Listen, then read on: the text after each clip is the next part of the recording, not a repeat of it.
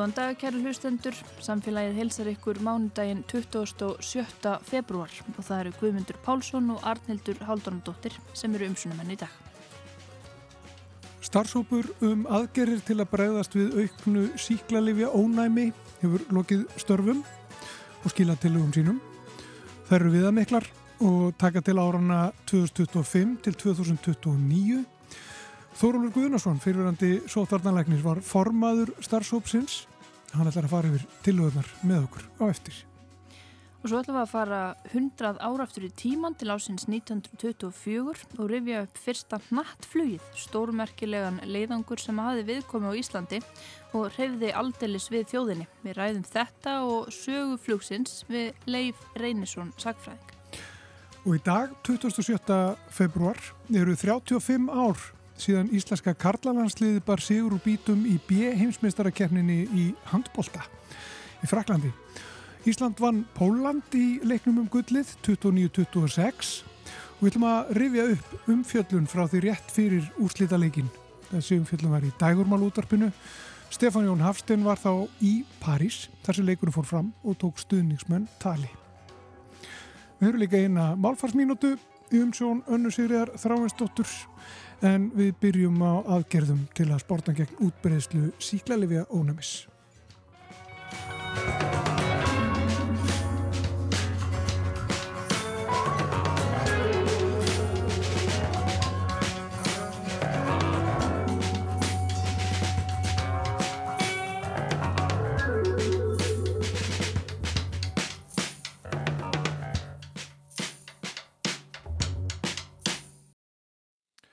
Fyrir helgi var kynnt uh, ný, já það er einnig skíslan sem við ætlum að fjalla um hér í samfélaginu. Þetta er tilögur að aðgerða áallun gegn útbreyslu síklarlifja ónæmis á Íslandi og þetta er skísla starfshóps heilbriðisraðunitisins, matvalaráðunitis og umhverjusorku og lofslagsráðunitis. Og Þóruldur Guðnason, fyrirhandi sótarnalæknir, er formaður þessa starfshóps. Verður velkominn til okkar í samfélagið. Já, takk fyrir það.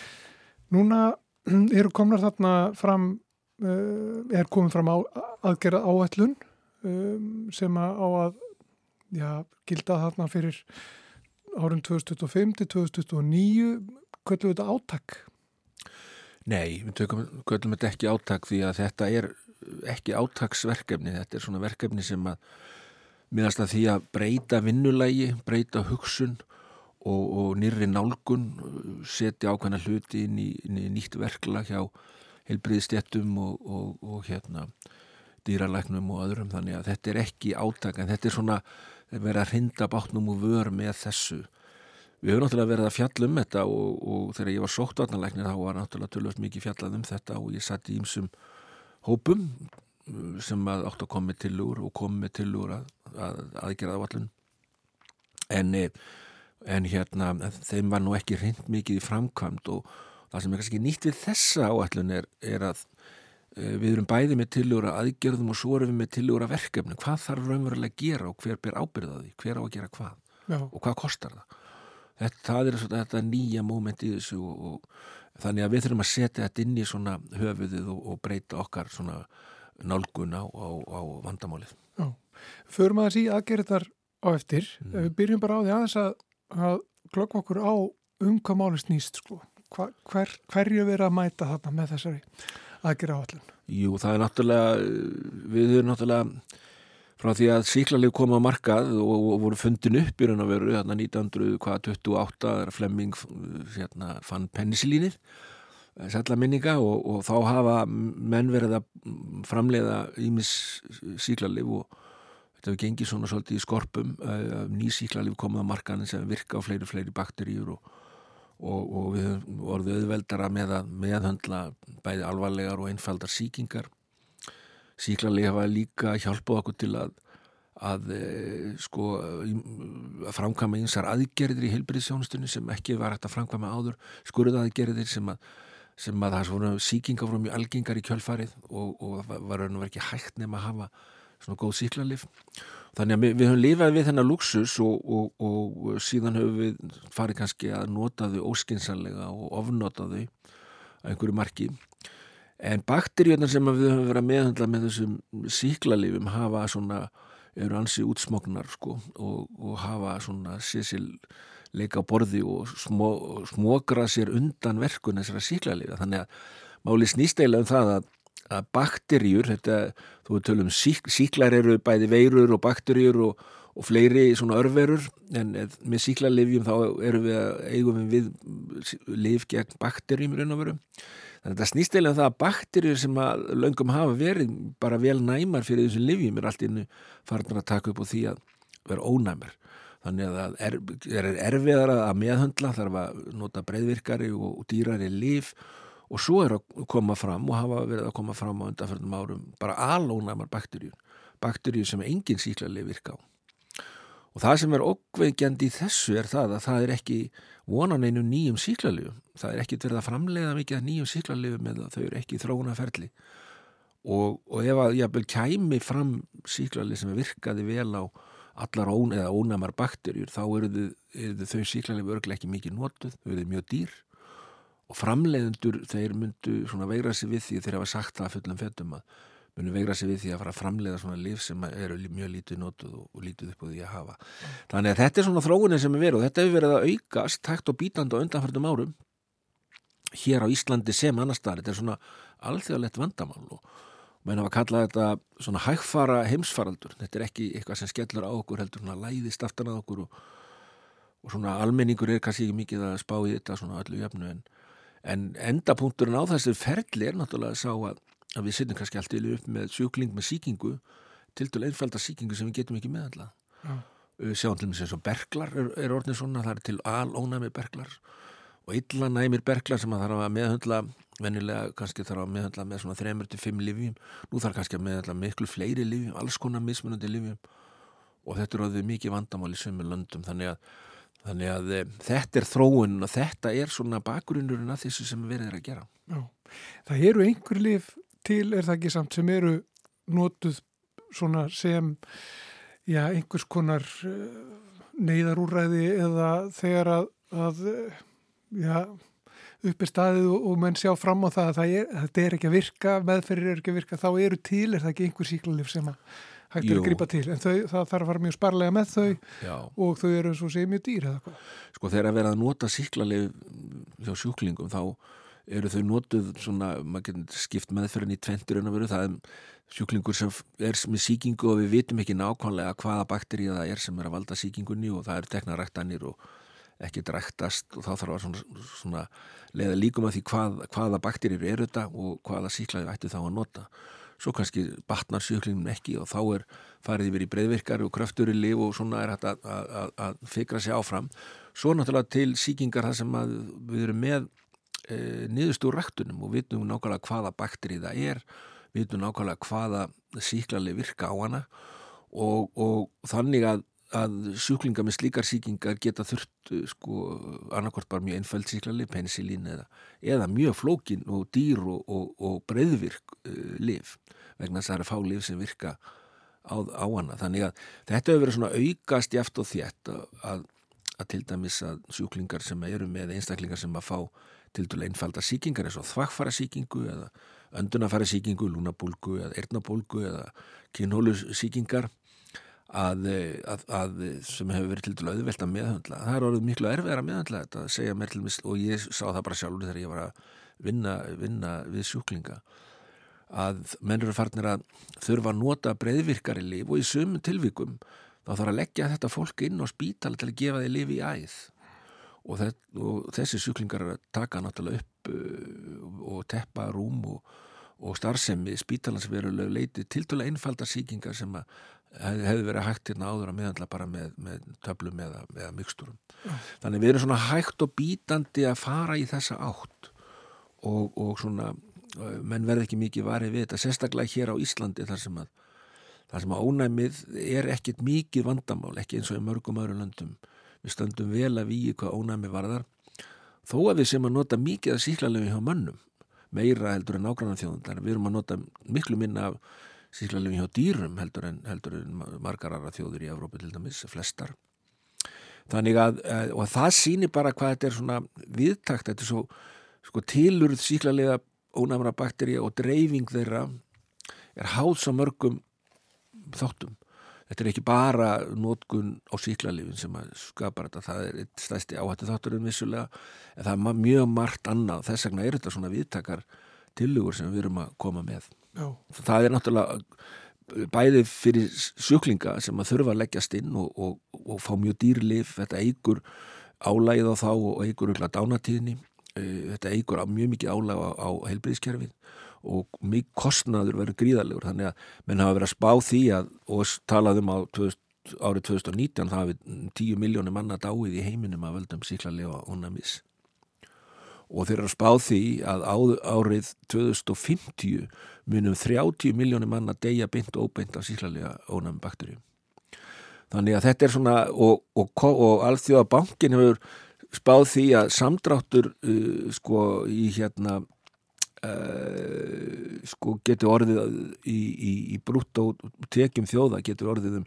23% árið 2050 vegna síklarlegunæmis þannig að þetta er gríðalegt bæði heilsufastlegt mál er, og gríðalegt fjárhastlegt mál sem við verum að horfa upp á og, og, og, þó, og hér á landi höfum við einmitt séð þetta líka sko út af eins og ég saði talað um að það þarf að leggja sjúklinga með einstaklinga með einfalda síkingar inn á spítala sem teppar rúm. Við höfum verið að fá svona litla faraldra inn á spítalan eins og landspítalanum af völdum ónæmara bakterja það sem er dildum er lokað og það þarf að þrýfa þær og gera alls konar hundakunstir og þetta hérna, trublar starfseminn alveg gríðarlega. Ef þetta fyrir aukast þá verðum við bara í ennþá meiri vandamálum. Þannig að bara til þess að nýkja á þessum, þessum, þessum afleðingum að þessum síklarlega ónæmi bakterjum. En ef við skoðum aðeins til hvaða ráða Eh, er hægt að grýpa og hvað þið leggir til?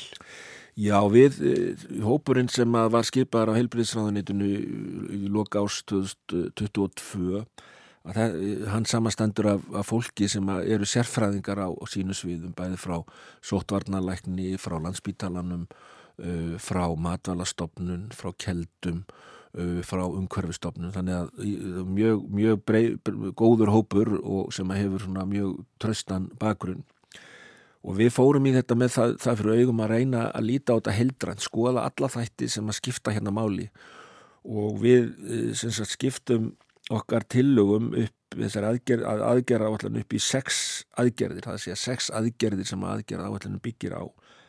Það er í fyrsta lagi ef, vilt, ef við förum kannski í þessar uh, aðgerðir það er að stöðla markvis og skinsalega nótgun síklarleifa hjá mannum og dýru það er það sem við höfum verið að tala um lengi og það er mjög marg sem þarf að gera til þess að ná því niður vinna með heilbriðstjættum, vinna með lagnum og vinna með uppfræða almenning og svo framvegis og dýralagnum og matvala framleiðendur og ég veit ekki hvað og hvað. Það er, og, og það er mjög viðtakt og öðru lagi stöðla að innleiða fyrirbyggjandi aðgerði sem fela í sér sko upplýsingugjöf og fræðslu og, og, og forvarnir ímiskonar, sóttvarnir þar á meðal og við þekkjum það nú COVID að skipti mjög miklu máli ímiskonar sóttvarnir, þó sér um hendur og, og hreinleiti ímiskonar sem að, sem að skipti gríðalögum máli. Nú svo er þriðalagið aðgerði sem bæta e, þekking á síklarlegu ónæmi aukinu vöktun og vísinda rannsóknum. Það eru, það er að segja við þurfum að ákveða hvernig ætlum við að vakta svona bakterjur og, og til dæmis núna eins og á landspítalar þegar sjúklingar koma inn á spítalan sem hafa verið erlendis og sjúkrásum þá er gilda um þá ákveðna leifinningar þar sé að það taka ræktanir frá þeim.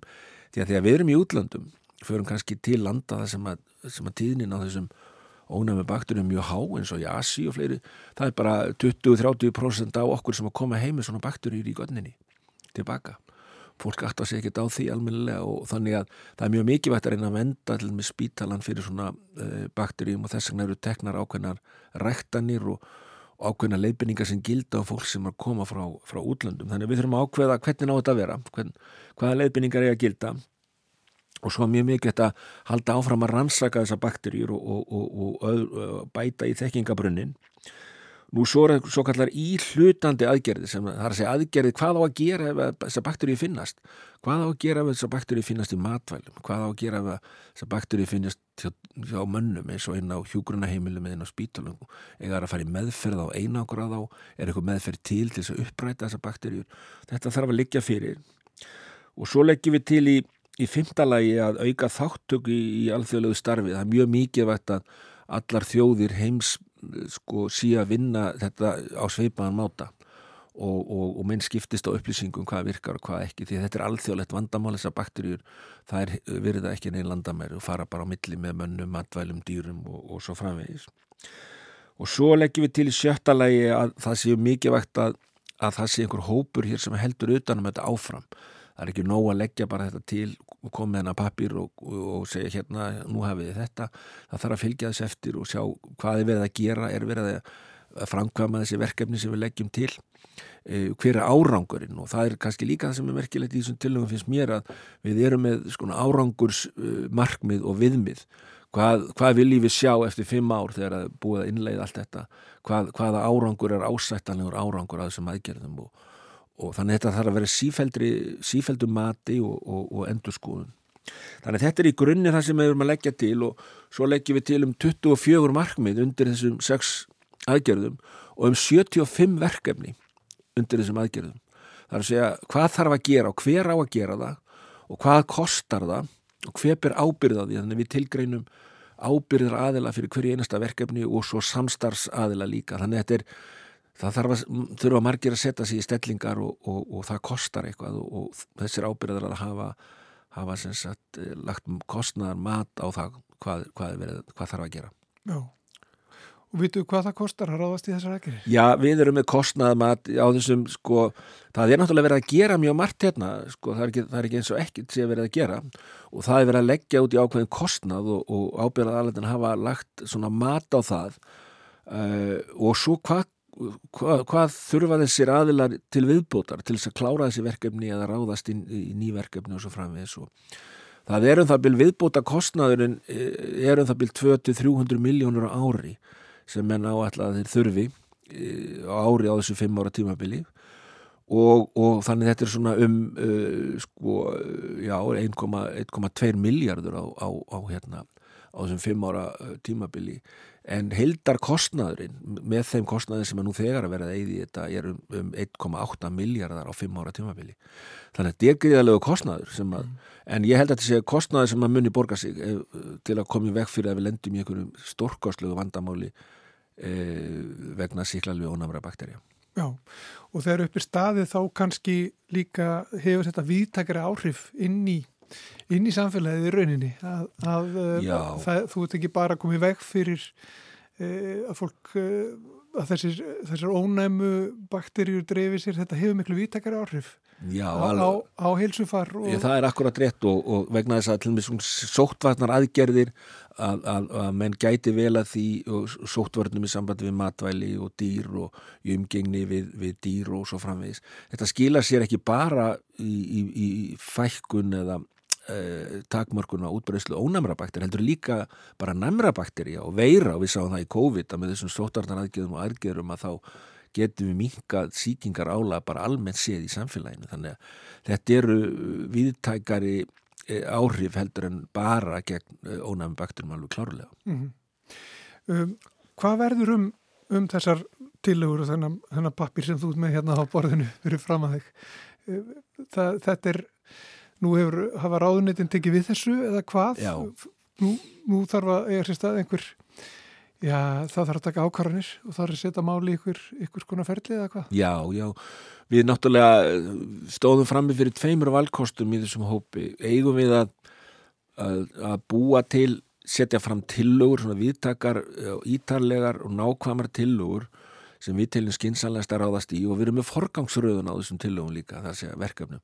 Hvað er mikið vægast að ráðast í fyrst og, og svo um tvö og þrjú? Og eh, en við ákvaðum á, stóðum fram fyrir því hvort við ættum að bara koma með tillóra aðgerðum eða hvort við ættum að vinna þetta með stjórnvaldum þannig að þetta yrði endanlega svona aðgerðar áætlun bara fullmótuð stjórnvalda við tókum þann pólinn í hæðina að reyna að vinna þetta bara sem tillóru og, og gefa þá ráðunitunum og, og stjórnvaldum og ríkistjórnini færa því að leggja mata á þetta sjálf og, og segja hvað þeir vildi ráðast í og hvað ekki. Og og þessum, þessum tillögum hefur bara verið tekið mjög vel uh, af öllur ráðanitunum þetta hefur verið kynnt í ríkistjórn og, og, og fekk þær góðan hljómgrunn eftir sem mér er sagt og, og þetta, þannig að mér hefur verið sagt það að, að þessa tillögur muni verða settar sem aðgerða áallun uh, stjórnvalda í þessum málaflokki og það verður lögð mikil áhersla á þennan málaflokk og reynda að tryggja fjármagn til þess að hrinda þessu í framkvæmt. Þannig ég heyr ekki annað en að þetta hljóð fái bara mjög mikið hljóngrun en auðvitað veit ég það að, að það er ástandir erfitt í samfélaginu núna, það er eldgósið og, og, og allar efnaðstrengingar í kringum það. Það eru kjaramálin er í svona ákveðnu ferli og uppnámi kannski. Og, og það er bara mjög margt einflýtjendur og þannig að það herjar mjög margt á stjórnvöldum varðandi fjárútlát og og, og kosturinn við þetta er sá að þó að menn setja þetta eitthvað á ís segja herði við getum ekki ráðist í þetta núna strax þá likur þetta fyrir, það þarf ekki að byrja þess að vinna upp og nýtt og það þarf bara að taka þetta upp aftur og kannski aðeins þarna og, og, og þarna aftur einhverju leiti en það þarf ekki að byrja að fara núlgrunni eins og við höfum oft þurft að gera aftur, mm -hmm. aftur og aftur en, en þetta er komið inn í fjárhars eh, eh, tillögur um fjár, fjárlega áallun fyrir næsta ár og svo er bara að sjá hvernig það verður afgreitt af, af, hérna, af e, fjármálaráðanitinu. Já, og þetta eru þessi, þetta tímabil 2025-2029 þá e, leggir þið til að veri ráðist í þessar aðgerðir og eftir Já. það þá verður þetta komið í, í þannig e, ferli, svo ég noti það orða aftur, að, að, um, að markmiðum ætti að, það ætti að vera hægt að ná markmiðum um það að ná hér verulega tökum á þessu vandamáli. Já, ég held, já, ég held það og, og, og sumt að þessu, sko, við gefum líka tímarama, hvað við teljum að þurfi langan tíma til þess að klára ákveðin verkefni á, á, á þessu tímabili, þessu fimm ára tímabili sem að þess að tiljú ná yfir. Og sumt að því eru svona áttak kannski, þar að segja að það þarf að búa til ákveðina gagnagrunna, setja ákveðin format á að sapna gögnum, þannig að við sjáum hvernig hvernig hlutinir er í raun að veru. En annað er svona bara verður þá innbyggt í ákveði verklag og það er líka vegna þess að við erum að, að náttúrulega fáum kröfur á okkur erlendis frá um, um að gera ákveðna hluti og veita ákveðnar upplýsingar um, um tilurð ónæmra bakterja og, svo, og það þýðir líka það að við erum að fá styrki erlendis frá, maður ekki gleyma því að við erum að fá frá allmis eh, hérna ESB, við erum að fá styrki varðandi þennan málaflokk og undirbú okkur betur þannig að við fáum fjármagn ellendis frá til þess að inna ímisletta þess að við erum að leggja til eh, af hendi. Já, það er mitt. Við skulum ljúka þessu svona Þórulur Guðnarsson, formaður starfsóps eh, um aðgera áallun gegn útbreyslu síklarlifi ónæmis á Íslandi og það má kannski bara benda fólkið þar að lesa þessa skíslu, hafa það áhuga á því mm, á, á við heilbreyðarsamhansins mm. Takk fyrir komuna Þorlur Já, sumulegis, takk fyrir.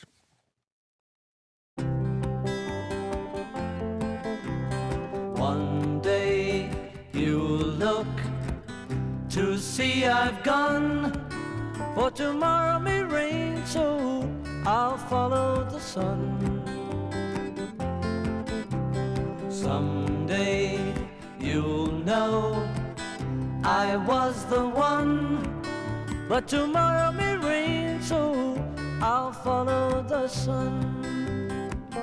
And now the time has come, and so my love I must go. And though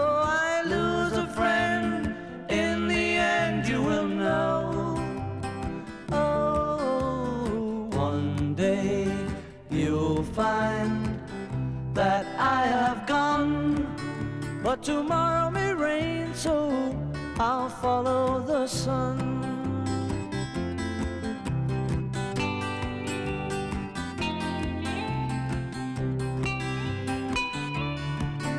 If tomorrow may rain, so I'll follow the sun.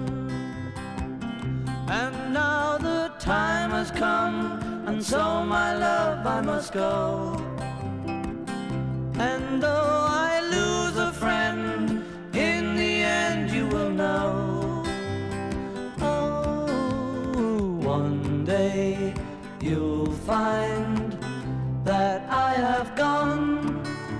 tomorrow may rain, so I'll follow the sun.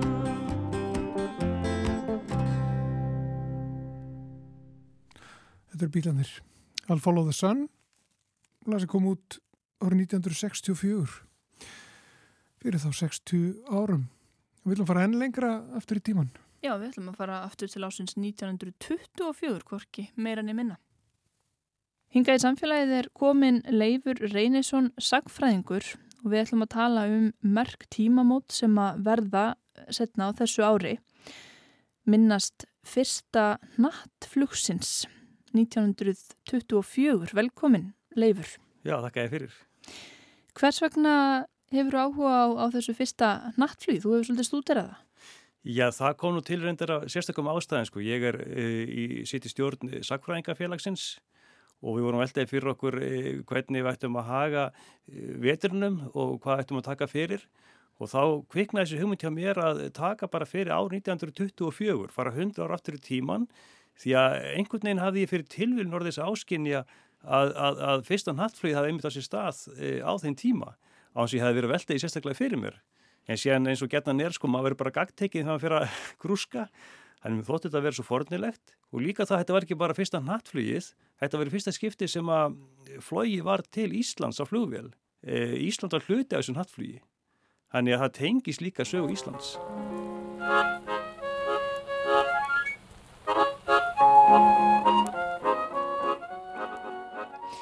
Getur þú sagt mér aðeins meira frá þessu nattflugi og um hvernig, hvernig Ísland tengist í? Já, sko, það var náttúrulega mikil eftirvænting að e, þegar menn áttu þessu að því að e, það veri vona flugvel eða flugvelum hingað, þetta voru flug, fjóra flugvelum sem lögðu að stað. Og ég má setja aðeins í samhengi að sko flugið náttúrulega var mjög ungt á þessum tíma. Að, e, gerna nú með af 1903 sem upphaf flugsins þegar rætbræður í bandaríkjanum náða að fljúa einhvern smá spotta. E, og það voru margir náttúrulega sem að voru að reyna við þessa tækni. Síðan kannski verið næsti áfangi 1909 þá tókst að fljúa yfir Ermasundið. Um, en síðan 1924 þá var að tala um nattflug þetta er náttúrulega ansi stór stökk. Þetta eru rosalega stökk. En ástæðan kannski fyrir þessu stökki var að mörgu leiti fyrir heimstyröldin þá var náttúrulega svo mikil tæknithróun eins og alltaf er í stríðum að mann lögði allt undir til að þróa þessa tækni. Um, Þannig kringu 1920 allavega þá er mér hægt að tala um það í alvöru að e, þetta sé gerlegt, að það sé eitthvað vitið þessu. Og maður voru að gera tilraunir en fyrsta tilraun sem tókst það var þessi tilraun bandarækjamanna og uh, hún var mjög vel undirbúin. Og uh, þeir sko sendu menn til Íslands til dæmis, ég allavega veit mann uh, til þess að aðtú aðstæður hvar væri best að lenda og svo framvegis. Og þannig var það um heim allan sko, þeir sendu menn á undan sér og þeir sendu líka sko einhverja vistir og vararhluti og þessáttar e, því að það lági alveg fyrir að flugvelina næði ekki að fara allar hringin sko á þess að geta endur nýja vélar og, og, það, það var skiptum vélar sko og, og vangi og svo framvegis.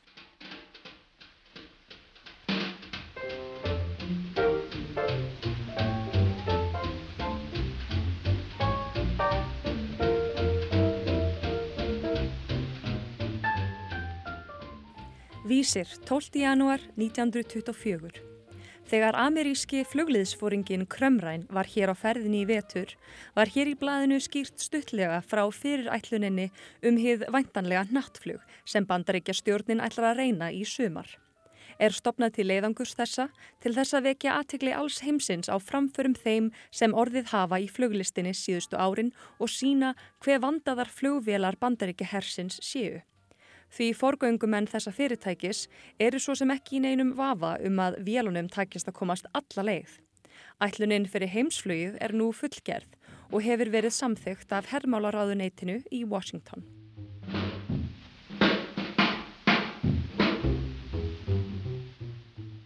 Undirbúningur hefst 1923 og þegar þetta kvisast út sko að þessi vona á þessum flugvilum að það náttúrulega fara íslensku blöðin að fylgjast með og það voru tölvera fréttir af þessu áðurna sko flugið hófst og ég tala ekki um eftir að það hófst.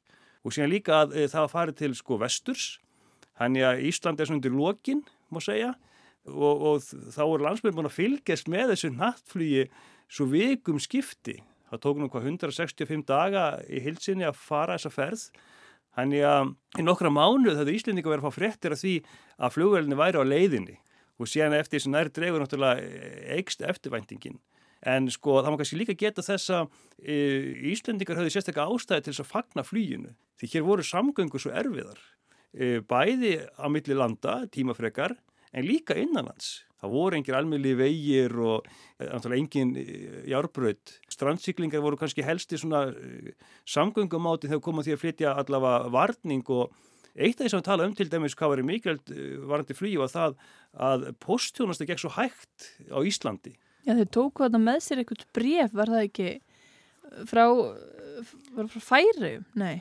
Já sko það er nú kannski hlið að segja á þetta að, að í kjölfar þess að bandarækjumenn komu hingað að e, þá kemur hingar ítalsku, ítalsku flugkappi, já það voru fjóri saman, hann var alltaf bara að tala um flugmannin sko, hann er einu sem heitir eitthvað, mm. e, Locatelli hétt hann og e, hann mun hafa mittir endi færaugum og tók post þar og síðan í höfn í hotnafyrði, tók post þar og flýgum með postin til Reykjavíkur og það var sko hraðasta posttjónusta sem umgat á Íslandi því að þetta var náttúrulega fyrsti flugposturinn. E, það var mikið um að vera sem sé á Íslandi akkur þetta sömar 1924 það voru ekki bara þessi nattflugsmenn heldur líka þessi ítalski flugkappi. Já, þetta er mjög stort ári í flugsögun og þessar, þessar flugvélar sko í þessu bandaríska nattflugi þá voru þetta fjórar vélar eða ekki sem lögðu Jú, í hann já.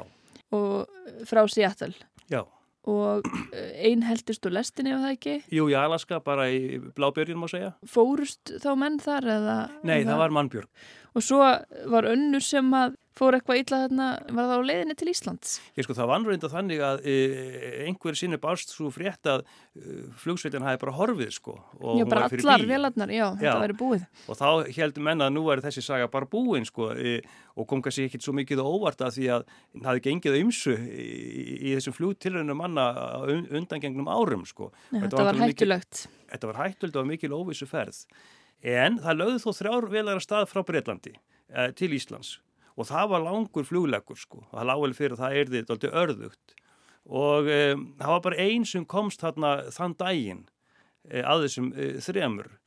Það lendi þóku og tvær tristu sér ekki lengra sko. Það var náttúrulega engin fjarskipti og engin mælitæki vissi ekkert sko hvað þið voru þannig séð sko. Þessum lendi bara á fjalli.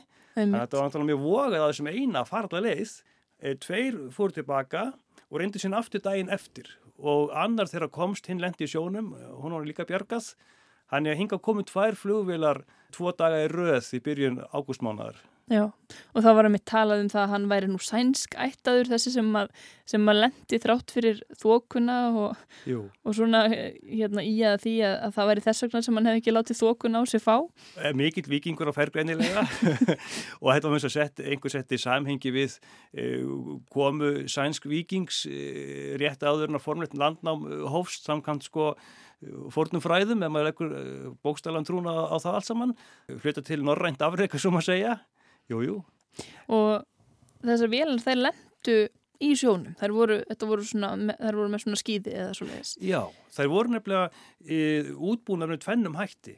Að því að á þessum tíma það voru náttúrulega ekki margi flugvellir í heiminum við leitt og, og ekki á Íslandi en, en Ísland var ekkit einstæmi með það. Þannig að e, þessi flugkappar gerur ráð fyrir því að lenda mikið á sjó og gerðu það.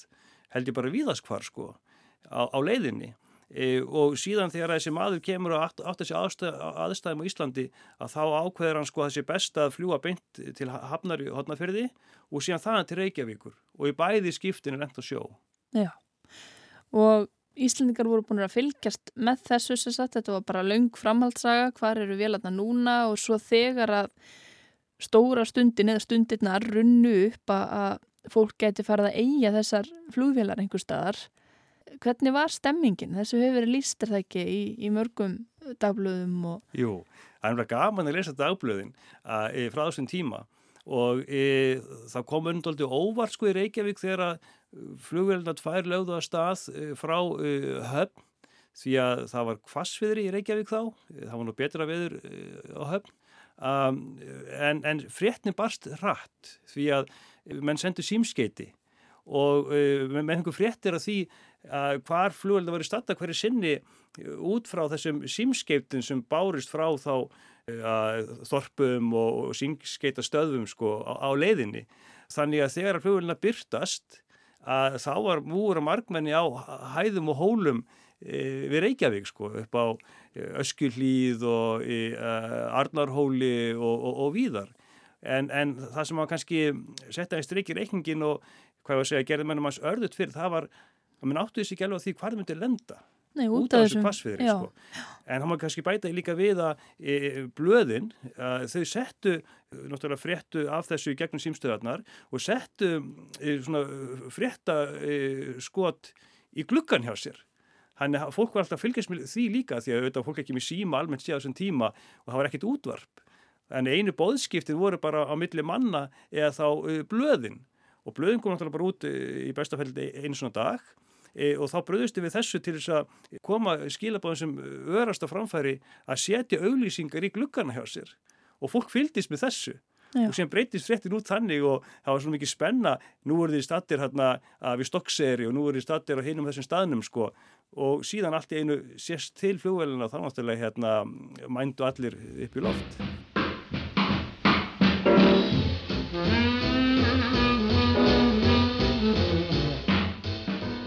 Alþjóðblæðið 7. ágúst 1924 Það er valla ofmælt þótt sagt sé að valla hafi verið um annað hugsað af alúð í bænum upp úr hádegin í gær en komu flugmannana. Allstaðar þar sem útsýni var á Arnarhóli, hjá landakoti, uppi við skólavörðu, inni á öskjuhlið stóð fólk, kallar og konur, börn, fullornir og gamalmenni. Þrátt fyrir kvasviðri, kulda og moldrygg og horði í söður. Alla langaði að koma sem fyrst auga á flugurnar. Allar fregnir sem bárust að ferðira fóru á auga bræðum hópana og eftir að fregnin um að þær hefðu klukkan 12.35 farið um hjá Stokkseyri barst út, hverstumenn sjónandar enn betur.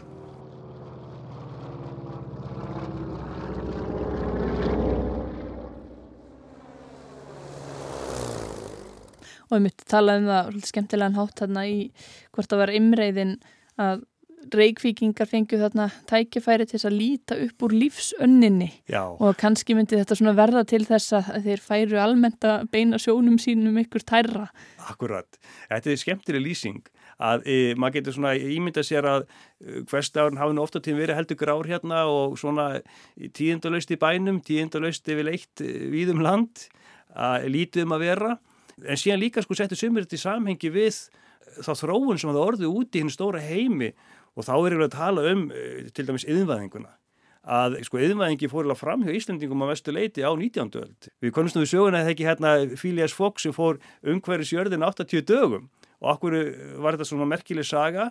Jú, Július Vern, hann er að draga hérna fram uh, kosti yðinvæðingarnar að hérna voru orðið sams, samgöngubilding, þá komin einreið og þá voru komin gufuskip. Flugvilin, hún sé að næsta stíði þessum að segja sko og þegar hér er komið sögu þá er Íslandingar aðeins fannar að átta sig. Ég menna fyrsti bílingi um 1904 til dæmis. Og fyrsta flugvilin hún kemur ekki til landsin 1919 en þá er hún bara flutt til landsins. Og hún flög aðeins innanlands. Og um, Íslandingar höfðu eignast eigi skipafélag, eimskipafélagið var það ekki 1915 og það var náttúrulega stór skref í samgangusögunni eigið skipafélag, eigin skip í millilandasiglingum og það voru einhver leiti sögum menn sem komið þessi því til leiðar að þessi fyrsta flugvíl kom til landsins 1919 og hún flög hérna eitthvað sömar 1919, 1920 en þetta var kostnæðasamt og e, það tókst ekki að, að viðhalda þessu flugrekstri Hann er 1924, þá verður svona önnur innspýting sko, svona önnur áminning um það að e, við þurfum kannski að fara svona að e, taka okkur saman í andlitinu og e, grípa tæknina og, og þá svona mikið talað um alla þessar framfari sem höfðu orðið. Það höfður miklu framfari hér á Íslandi með heimastjórnini sérstaklega 1904 má segja og árið þar og eftir að, en, en mörgum þótti hægt ganga. Þannig að fólk hefur upplifað þetta svona, það hefur ekki verið kannski rætt við þetta eða fundist þetta eitthvað skrítið heldur hefur þetta bara verið svona undirstyrka það að þau lifðu á, á mikillir framfara öld og, og þetta verið spennandi tækninýjungar sem verið að koma og, og svona tilipnið til mikillar bjarsinni. Já, e, algjörlega. Þetta var svona tákgrænt. Það að rjúa einhverja einangrun. Þetta var hægt og það verið kannski séð fyrir sér. Já, er ekki bara tímaspyrsmál hvernig við tökum þátt? Sko, þarna voru uppi einhverjur hugmyndir um það að Ísland væri svona einmitt svona þælum stað milli bandaríkjana og, og Evrópu og ef maður hugsa svo um hvað hefur gerst og hvernig við hefum orðiðrunni ákveðin segull fyrir millilandaflug Það má segja það sko að þann er fyrst að springa út náttúrulega með setnastriði að þá fáum við eh, fjármagnið um, og e, þá náttúrulega hafði orðið ennfrekari e, þróun þegar koma e, flugvelum. Ég held að það hefði verið þannig að fram að því þá hafi verið erfitt að fara upp fyrir veðrakvolfið og fyrir vikið þá voru menn háðar í veðri. Eftir stríð sko að þá var þetta að fara svo háttu upp og þá var þetta að komast þér undan veðrunum og segja frekar og það mm. náttúrulega auðveldaði flugið mjög fyrir auðvitað það að flugvelina voru ótnar miklu E, e, fullkomnari Já, þetta eru náttúrulega óttalega litlar velar og... Þetta voru mjög litlar velar sko. Þetta voru tveggjamanna velar sem að, þessi nattflugmenn e, voru fluga á og engi fjarskiptabúnaður. Svona velbúnaðan allur mjög frumstæður. Og Hvað voru þau lengi í þessu flugi þetta frá, frá Breitlandi til Íslands, veistu það? Já, sko fyrir flugmaðurinn, hann var rúmar áttastundir en sá setni sem flög daginn eftir, hann var réttur rúmar sexstundir hafði meiri meðvind. Þannig að fyrsta flugi til Íslands var umar 8 eh, stundir, það segir henni bladi 8,15 klukkustundir, en það var gífilu mannfjöldi líka við höfn e, þegar að sko eh, flugurinn að koma þangað og hafði aldrei sérst annarins mann grúið að sögn, það er um slóðir. Þar var náttúrulega eftirvæntingin ekki minni enn í Reykjavík. Fólk er vel drifið af þá úr sveitunum í kring og. Fólk er sér ferð til hafnar til þess að sjá þetta undur. Ekki spurning og ég lesi það einmitt líka í blöðunum að talað um það að einhverju bændur sko fóru margra klukkutíma leið allavega og kannski meira en það til þess að, að upplifa hana viðburð. Það er til myndband frá Reykjavíka þennan dag sem að, sem að velin kemur og velin að koma þangað sem að Loftur Guðmundsson tók, ekki satt? Jú, það vil svo heppilega til að Loftur Guðmundsson að hann tók eh, einhvers konar íslensk kvikmynd á þessum tíma og það eru sko fjölmarka myndir frá eh, Reykjavík og það er að miðal af eh, þessum flugvelum, Ma, maður sér hérna minnski það sem að flugvelarnar eru í, við höfnina og eru dregnar í land upp steinbryggjuna sem að nú er hægt að sjá aftur sko nýri miðbæ. Og maður sér sko flugvelina þegar hún er komin hérna í, í land og maður sér til flugkappana og auðvitað mannmerðina sem var hérna við höfnina að fylgjast með og ansi skemmtilega myndir og það maður nálgast þar á netinu alveg sér að kostnaði lausu Min, minn er að, ef maður googla bara Íslandsmyndir Lofs Guðmundssonar þá setja að finna þetta 1924 og þetta er mjög skýra myndir og flottar. Já, það er virkilega gaman að sjá þessa myndir og, og einmitt allir þessi fjöldi mikil eftirvænting greinlega sér maður og, og fólk er vel til fara og, og svo sér maður þessa, þessa flugmenn stíga hérna í land og það er eftirlega sko. Jú, jú. og svo mér sé að tekið á móti mér er svo skemmtilegt að sjá þegar að einhverjir íslingar vantarlega vaða bara út í sjó og, og móti flugvilinni til þess að aðstóða eitthvað við að, við að skorðana og kominni Þetta voru í sjálfur sér frekka frumstæðar aðstæði kannski en menn náttúrulega voru ímsu vanir þannig að þeir voru ekkert fínuna við það. Þetta var nú hérna í byrjun ágústmánuðar en það var leðinda veður þannig að þetta var nú ekki alltaf þægild að standa að þessu menn átti eiginlega vona því í þess vegna sko að við myndum lenda einhverstaði við ersund, jafnvel við skerjafjörð. Og það var nástæðan fyrir því að menn voru doldið tvistræðir fyrst, en menn voru á bílum og hjólum. Og síðan voru einhverju mekta menn sem tók á móti sko allavega borgastjóri Þannig hann þetta verið réttum stað, þannig að þetta var svona doldi umstangi kringum þetta allt saman. Já, vita hvar þær myndu lenda. Og það hefur skýrst þá svolítið áður þær komu eða, eða hvað? Eða var fólk hlaupandi á þetta síðustu stundu þegar það sá í hvað stemdi hver þar, þar færu? Já, það var doldi þannig. Að því að sömi voru upp á Öskjuhlíð og einhverju voru upp á Kópavóshálsi og einhverju voru heldur líka hérna einri sundin sko, skamt frá e, viðæðasundi En, en það tóks að sögn skamma stund fyrir hópin að sapna saman einhver síður. Menn að það er lagt aldrei á sig að taka sprettin sko. Já, svo er svolítið talað um sko, það er verið að tala um framtíðina í þessum bladagreinum sem, sem þú vísar í og á einum stað er talað um sko stríðið og, og hvernig þessar, þessar eh, flugur eru þar nundum kallaðar. Hafi verið nýttar í, í víga tilgangi talað svolítið eins og, eins og já, mögulega verði þetta hrifsað frá fólki ef það notar þetta með raungum hætti.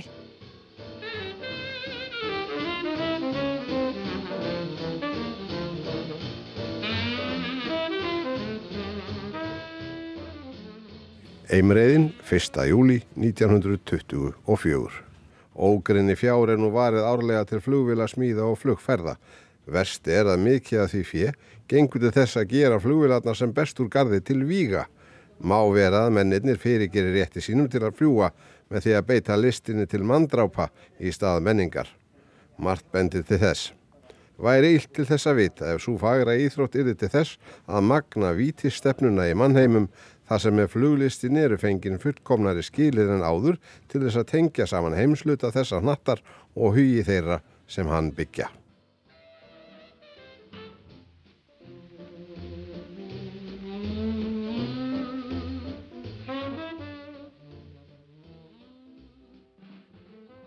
Þetta er einmitt í manni í einbreiðin til dæmis að það er farið þessum orðum uh, um flýið að það skiptir svo miklu máli að þetta sé einmitt til þess að ebla mannsandan og tengja þjóðurna saman og auka menningu eitthvað þess áttar e, og, og nefnt að hafa leitt til þess að vita að þessi mikla þróun hefði á sér stað í stríði og það var náttúrulega Norðurland ófröður mikli sem að setna kallaðist fyrir heimstyröldin en síðan náttúrulega e, ekki löngu setna skellur á önnur ennskæðir heimstyröld eins og við þekkjum og þá heldur betur voru flugvila notaðar e, með mjög skelvilugum hætti eins og við þekkjum sko að heilu borginna voru náttúrulega bara þurkaðar út og þá var náttúrulega mikið þróun líka í flugtekninni Þannig þessi orð í einræðinni sko þau voru svo sannarlega ekki innistæðilegs mjög áhrifarík.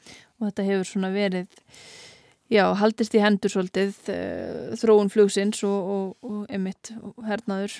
Já. En uh, talar um að það hafi verið mjög skemmtilegt að sökka sér ofan í þetta að skoða þessar gömlu bladagreinar og grúska í þessu. Hefur þetta, sko, ef þú hugsaður um þetta svona í stærra samhengi, hefur þetta einhverja þýðingu í dag, þessir, þessir atbyrðir? Já, það er vissulega góð spurning sko. Eitt er nú það að það alltaf finnst manni kannski ástæði til þess að fagna þegar að er svona tímamót.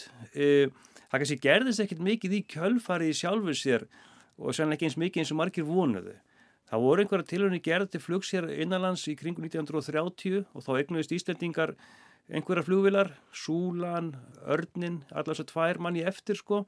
Og þá var mikið talað um það að það var svo mikilvægt að e, tilenga sér flugteknina til þess að koma e, posti með skjótum hætti á milli staða og e, auðvitað fólki líka e, og varningi e, einni til síldarleitar og kannski til þess aðtúa með e, regís en það voru allskins ástæður sko en á þessu tíma kannski voru menn ekki alveg hann að sjá fyrir sér að það er því mikið um millilandaflug, það var meira að tala sínist mér um innanlandsflug sko. E, síðan eru menn afturfætnar að stað hérna eins og þetta er lók fjörða áratúarins þá aftur eignast mér flugvilar e, sem sé þetta er kringu 30 það stóð ekki lengi yfir. Þannig að sko e, þetta allavega e, kveikti einhverja von held ég, einhvern neista. e, og síðan líka það náttúrulega að menn voru stoltir yfir því að Ísland komst aðeins á kortið sko. Hér var e, þó nokkuð um erlenda bladamenn til dæmis, þá fjallaðum Ísland líka. Einn ástafan var svo að eh, flugmennir þeir dvöldi lengur í Íslandi heldur nokkur af hennu stað því rúma tvær vikur í Reykjavík. Og þá var það því að eh, leggurinn frá Reykjavík til Grænlands var svo erfiður upp á veður að gera. Var bætaði líka við að, að, að flugvölinu fylgdu sko nokkur herskip að, e, sem svona pössuð upp á til dæmis að þegar það er lendu í sjónum sko einn mill Íslands og, og, og Skotlands þegar hún fór frá Skotlandi að þá bjargæst flugmaðurinn sko í borði í herskipið og í herskipinu var önnu flugvildi tax sem var nýttið sér þegar hann flög frá Reykjavík og var hluti líka náttúrulega. Já, þetta var vel undirbúið og, og svona verið að huga að, að öryggið þeirra, þeir voru ekki bara sendir þarna Já. til að slá eitthvað til met út í, í óvísuna. Nei, og hér að sögum voru sko fjögur eh, bandaris herskip og, og, og í Reykjavíkurhöfn. Og allavega einn daginn þá fengum við landgönguleifi sko, þarna voru um 1500 manns sem borðið herskipunum, þannig að þetta setti svo mikið lit á allt bæjarlífið og hefur öruglega verið öllum mjög minnistætt. Já, og svo mér sé að komu þeir aftur, einhver eru það ekki lungur setna til Íslands? Það er rétt, e, sá sem að kominga í fyrraskipti sko, eða sá sem að flög fyrst til landsins, hann hann Nelson á sænskum ættum, hann kom inga eh, í heimsókn allavega einu sinni eftir stríð og veit líka, eh, hann var svo sem hafi fyllt í kjölfari daginn eftir Uh, og það mun hafi verið 64, jú, að þá var settur upp, sett upp minnismerki við hefnu hodnafyrði og annarkot var að veiti að Nelson sem var þar, ég held að veri veit viðstatur sko. Og það voru náttúrulega tekið blada við til við að báða. Þannig að þeir komið, bá, já þeir, þessi tveir komið til hansins Já skemmtilegt að rifja þetta upp og, og ég bara hvet fólk til að kíkja líka á myndbandið hans, eh, Íslandsmyndina hans Loft Skumundssonar og, og sjá þetta með eigin, eigin augum. Takk fyrir að ræða við samfélagið, Leifur Reynisson, sakfræðingur. Já, takk hella fyrir mig.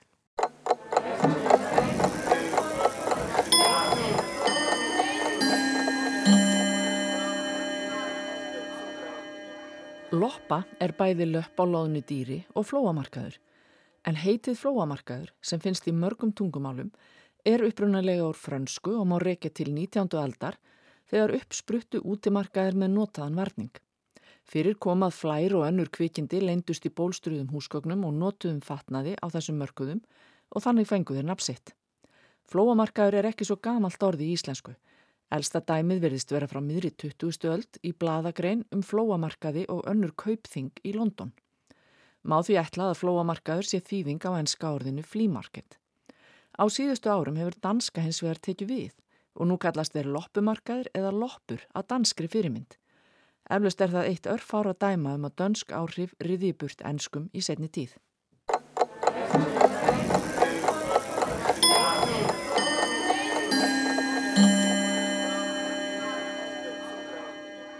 Það var Anna Sýrjur Þráinsdóttir Málfarsráðunötur sem að flutt okkur Málfarsminútu.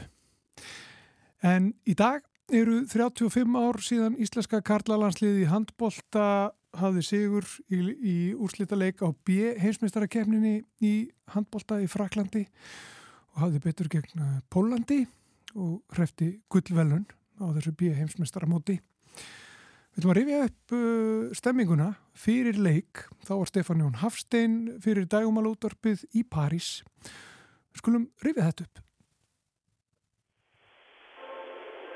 Góðan dag og uh, velkomin til Parísar. Innan tveggjastunda hefst leikurinn, leikur Íslands og Pólans til úrslita í B heimsmeistrakefninni og það er mikill hugur og stemningir í Íslandingunum sem fjölminna til Parísar til að styðja íslenska liði.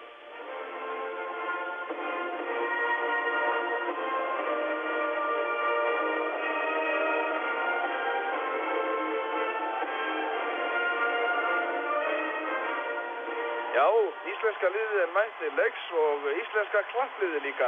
Tvær flugvilar heldur til Parísar um helgina og nú er hér um 200 aðkomumenn með fána, íslenska fánan á húfum, á áprendum bólum og satt best að segja óhemjustuð á mannskapnum.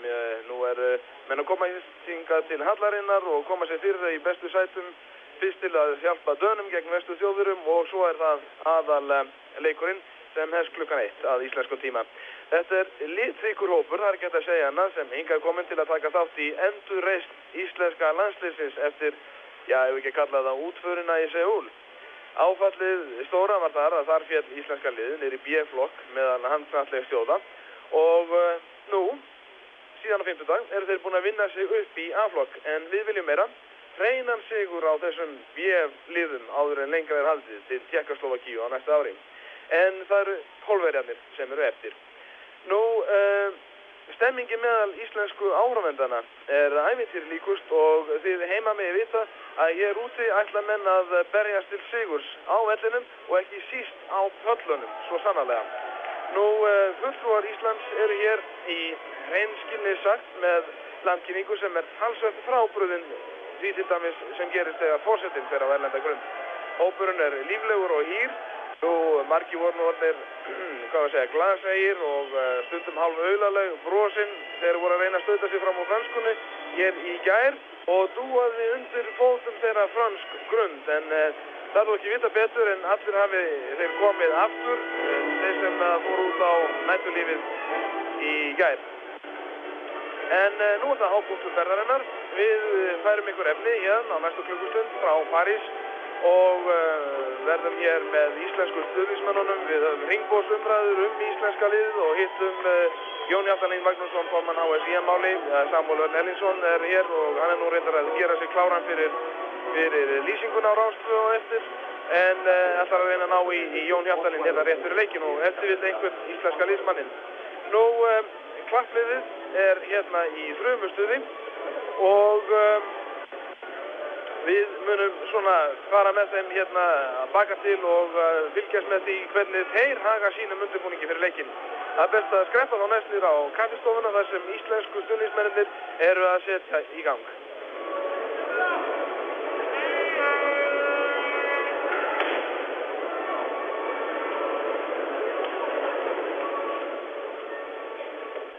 Býðum við til leiknum stóra sem hefst innan tíðar og það er Ísland-Póland sem uh, menn er að spjallum, að sitja á kaffihúsum og sumið með bjór, aðri með kaffi í París að rignir fyrir utan en uh, hér er uh, Jón Álvarsson bóndi frá Kirkjubæ, Kirkjulegg í Björnslíð og Ingi Guðjónsson Pólsvelli. Það er nú líklega ekki margir konur og fjóksninga til París að fara á leikin. Jó, við erum þrýr. Við erum þrýr hérna í kvöld og Og ég er á vísu á eini sem er með búskap eða búskap og blanda búskap og hinn er að vinna í ymsu öðru e, og skellta sér með. Hvernig kom þetta til að þið driðið ykkur mendur? Áhugi, áhugi, stuðningur. Ég skal svara því. Ég satt hjá Rakar heima á Pólstöldum daginn. Við erum þetta auðvist í útarpinu þess að verði til Parísar og ég ringdi Jón Virmin á kirkjalagsstofbunda og og hann ringdi í aðra tvo félaga sína og það voru pantaði fjóri miðar ákveðið þar og nú. En mann skilst það nú á bændum að þeir komist aldrei frá heimilónum en það er, er að segja fjósinu öllu heldur. Það verður verið eitthvað öðru sér aukur. Já, ég átt inn í fæðingarólofið og skellti mér út. já, já. Í alveg talað? já, það var þannig sko að við bændur eigum inn í hérna tíudaga aflýsingar þjónustu upp og það þegar verður fæðingarólof og ég tók að mér heimili þarna þegar þegar konan var eiga og ég fekk það fyrst núna þessa tíu daga og nota ekki verið fyrsta sinn í langa tíma sem ég hef mögulega komast frá fjósi og skildi mér út. Og uh, býtu við, hvað, hvað, hvað er langt síðan þú komist frá fjósinu þá? Já, það er náttúrulega eitt og eitt mál sem, sem ég hef náttúrulega sloppið frá en, en ég, til, uh, ég er náttúrulega búin, búin að búa þarna á eigin vegum í fimm ár og, og fættur uppalinn þess að ég bý og þetta er fyrst í túrin? Já, já, já, já, já, já. Og en hérna, hvað er það sem reykur minn til, til Parísa til að fylgja því landsliðinu? Er það, uh, hvað, þykir ykkur svona væntumlið? Já, það sjálfsögðu og við hérna Jórvinni minni, við erum búin að, við horfum og leikið saman heima hjá Sikkorum og erum til því svona stressaðir og kátir þegar við vinnum og þetta var ákveðið að drífa okkur bara út til Parísar og halda áfram að stuða okkar lið og nú ætlum við að vinna pólverðina, það er ekkert spurning. Ég segi 21-19. Ég tel að sé betra að degja á hjarta áfalli á leikvelli heldur en við sjónvarpið heima. Er þetta svona? Hann er að gefa sig. Er þetta svona slæmt? Já. og við sjáum til hvernig fer á eftir þegar Íslandíkarnir gangin á öllum til pólverjana en uh, við skulum vona að kýrnar hafa gott heim í fljóðsliðinni. Já, ég vona það. Ég beði helst ykkur Þannig var Stefán Hafstein að taka stuðnismenn íslenska landslýsins tali fyrir 35 ára síðan. Kátt á hjalla þetta, þrjumustuð. Já, þrjumustuðið sem kom fram og þarna var spáð 21-19 en leikunum fór 29-26. En uh, lengra komumst við ekki í samfélaginu í dag. Guðmundur Pálsson og Arnildur Haldunadóttir, þakka fyrir sig. Verðið sæl.